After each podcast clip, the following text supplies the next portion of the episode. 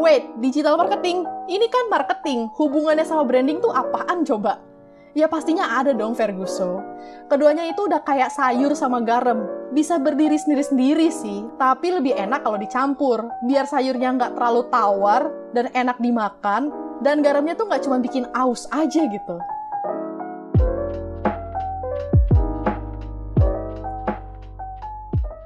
Halo semua, balik lagi di sini bareng Rai di Ngomongin Bisnis by Melon Branding. Sebulan lalu kita udah full banget ngobrolin branding positioning untuk nentuin identitas brand lo. Nah, kalau udah tahu identitas, mesti diapain nih? Perlu disebarluasin ke kalayak ramai dong. Caranya bisa macam-macam. Pas banget, minggu lalu gue udah kasih tahu nih dikit-dikit beberapa aktivitas untuk mengukuhkan identitas brand. Ada lagi nih cara lainnya supaya orang-orang makin tahu brand lo itu apa, produknya apa, dan bisa kasih value apa ke kehidupan konsumen atau klien lo. Lo bisa pakai teknik-teknik dari digital marketing. Wait, digital marketing? Ini kan marketing. Hubungannya sama branding tuh apaan coba? Ya pastinya ada dong Ferguso. Keduanya itu udah kayak sayur sama garam. Bisa berdiri sendiri-sendiri sih, tapi lebih enak kalau dicampur. Biar sayurnya nggak terlalu tawar dan enak dimakan, dan garamnya tuh nggak cuma bikin aus aja gitu.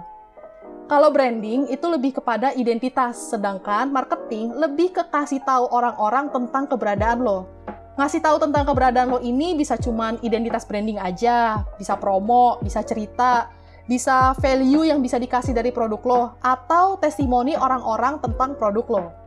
Orang-orang makin sering nih sekarang dengerin namanya digital marketing, apalagi di masa pandemi kayak sekarang. Ditambah juga emang kita sekarang tuh hidup di era digital. Makin sering lah orang-orang menggunakan platform digital untuk proses pemasaran. Lebih modern lagi nih, model pemasarannya kan bisa macem-macem, nggak harus ngandelin TV, radio, atau baliho.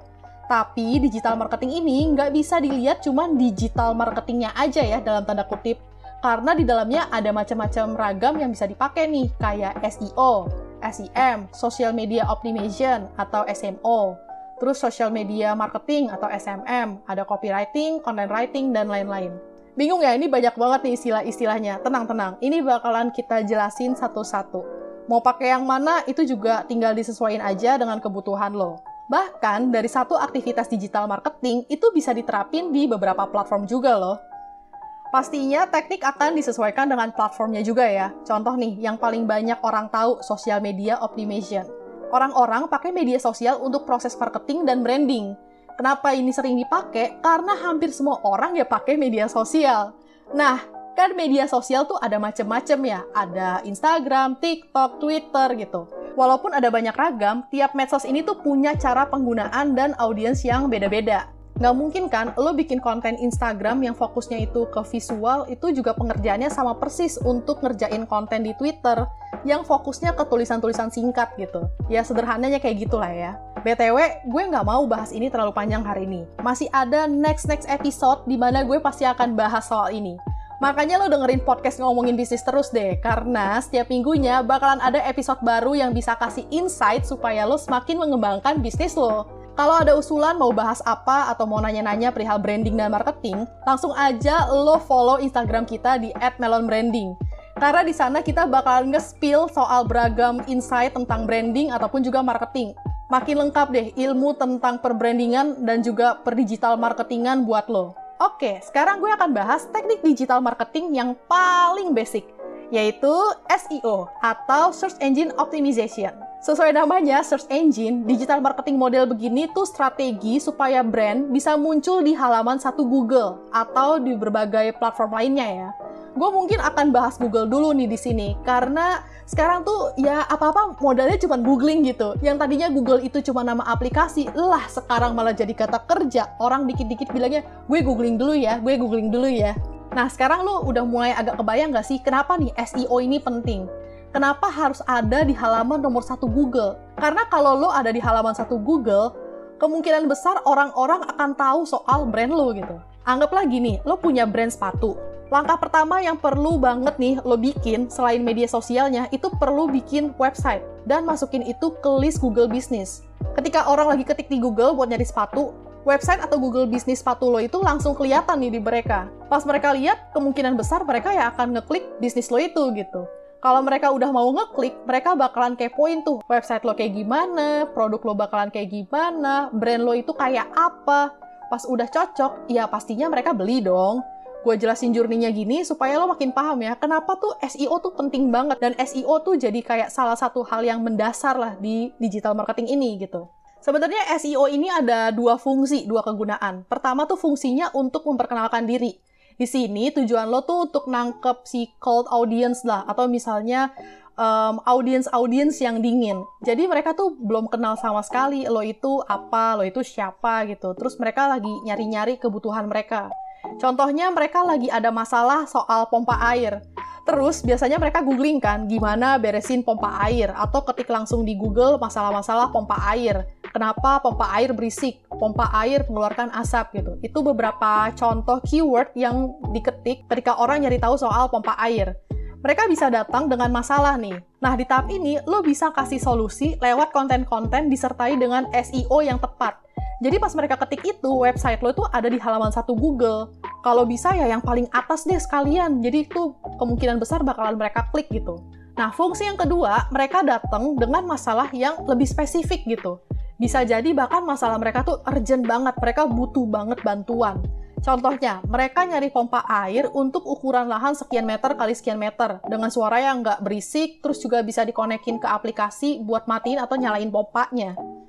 Ini biasanya orang-orang yang baru punya rumah nih yang kayak gini nih, yang cari-cari pompa air kayak gini. Nanti pas mereka ketik di Google, misalnya dapat nih website lo yang punya brand pompa air.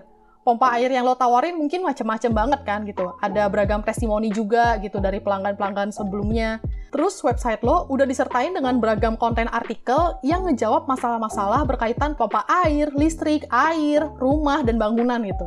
Mereka yang tadinya bawa masalah spesifik, makin ngulik lagi nih produk yang lo punya tuh kayak gimana sih gitu. Apalagi kalau misalnya karena tadi lo udah punya beberapa artikel konten yang menjawab kebutuhan mereka gitu. Khususnya mungkin buat mereka yang lagi cari pompa air yang baru bangun rumah gitu. Bahkan kemungkinan besar mereka bakalan konsultasi lebih lanjut nih terkait masalah mereka soal pompa air ke lo gitu. Jadi kan kalau misalnya udah mulai ngobrol sama calon customer, udah lebih apa ya, udah lebih dapet lah chemistry-nya. Setelah tahu fungsinya si SEO, terus gimana nih strategi buat pakai SEO?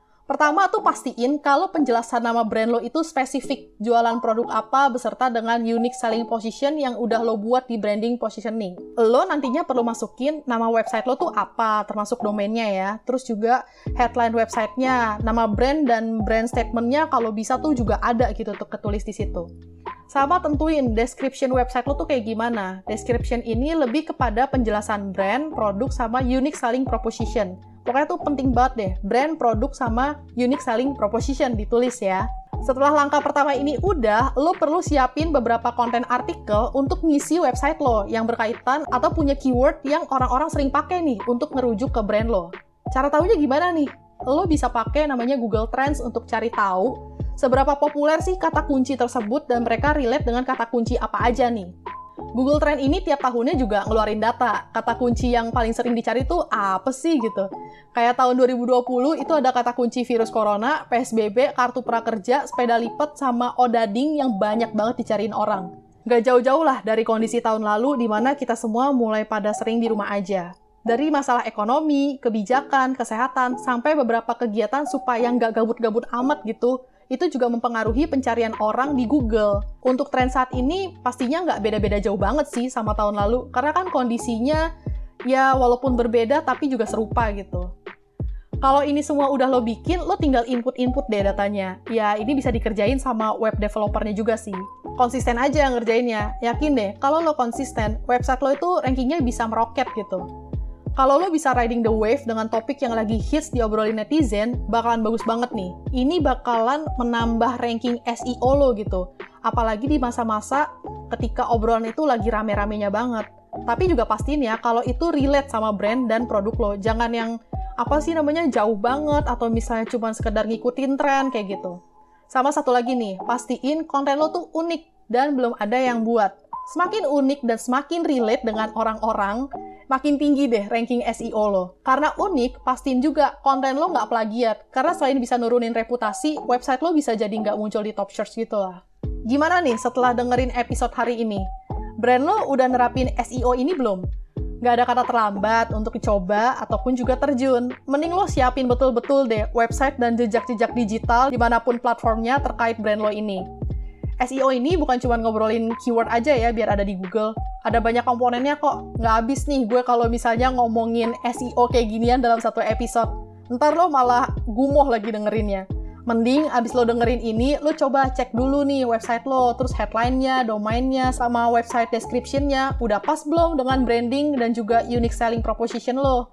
Minggu depan gue bakalan bahas SEO lagi, fokusnya tuh di on page dan off page. Waduh, apa nih on page sama off page? Makanya lo ngikutin terus lah podcastnya ngomongin bisnis. Jadi SEO itu nggak cuman mesti kasih lihat website lo tuh di Google, tapi lo juga bisa numpang di website orang lain untuk dapetin engagement dari visitor website lain. Kepo nggak? Kepo nggak? Tahan dulu deh keponya, soalnya gue bakalan ngobrolin ini fokusnya di minggu depan. Kalau ada yang mau nanya-nanya, langsung aja DM ke @melonbranding ya. Di sana juga lagi bahas nih soal SEO juga. Lo juga bisa baca artikel kita pastinya tentang branding, marketing, dan juga advertising di www.melonbranding.com kalau udah kepalang kepo nih sama SEO ini. Thank you udah dengerin gue, sampai ketemu di episode berikutnya. Bye-bye!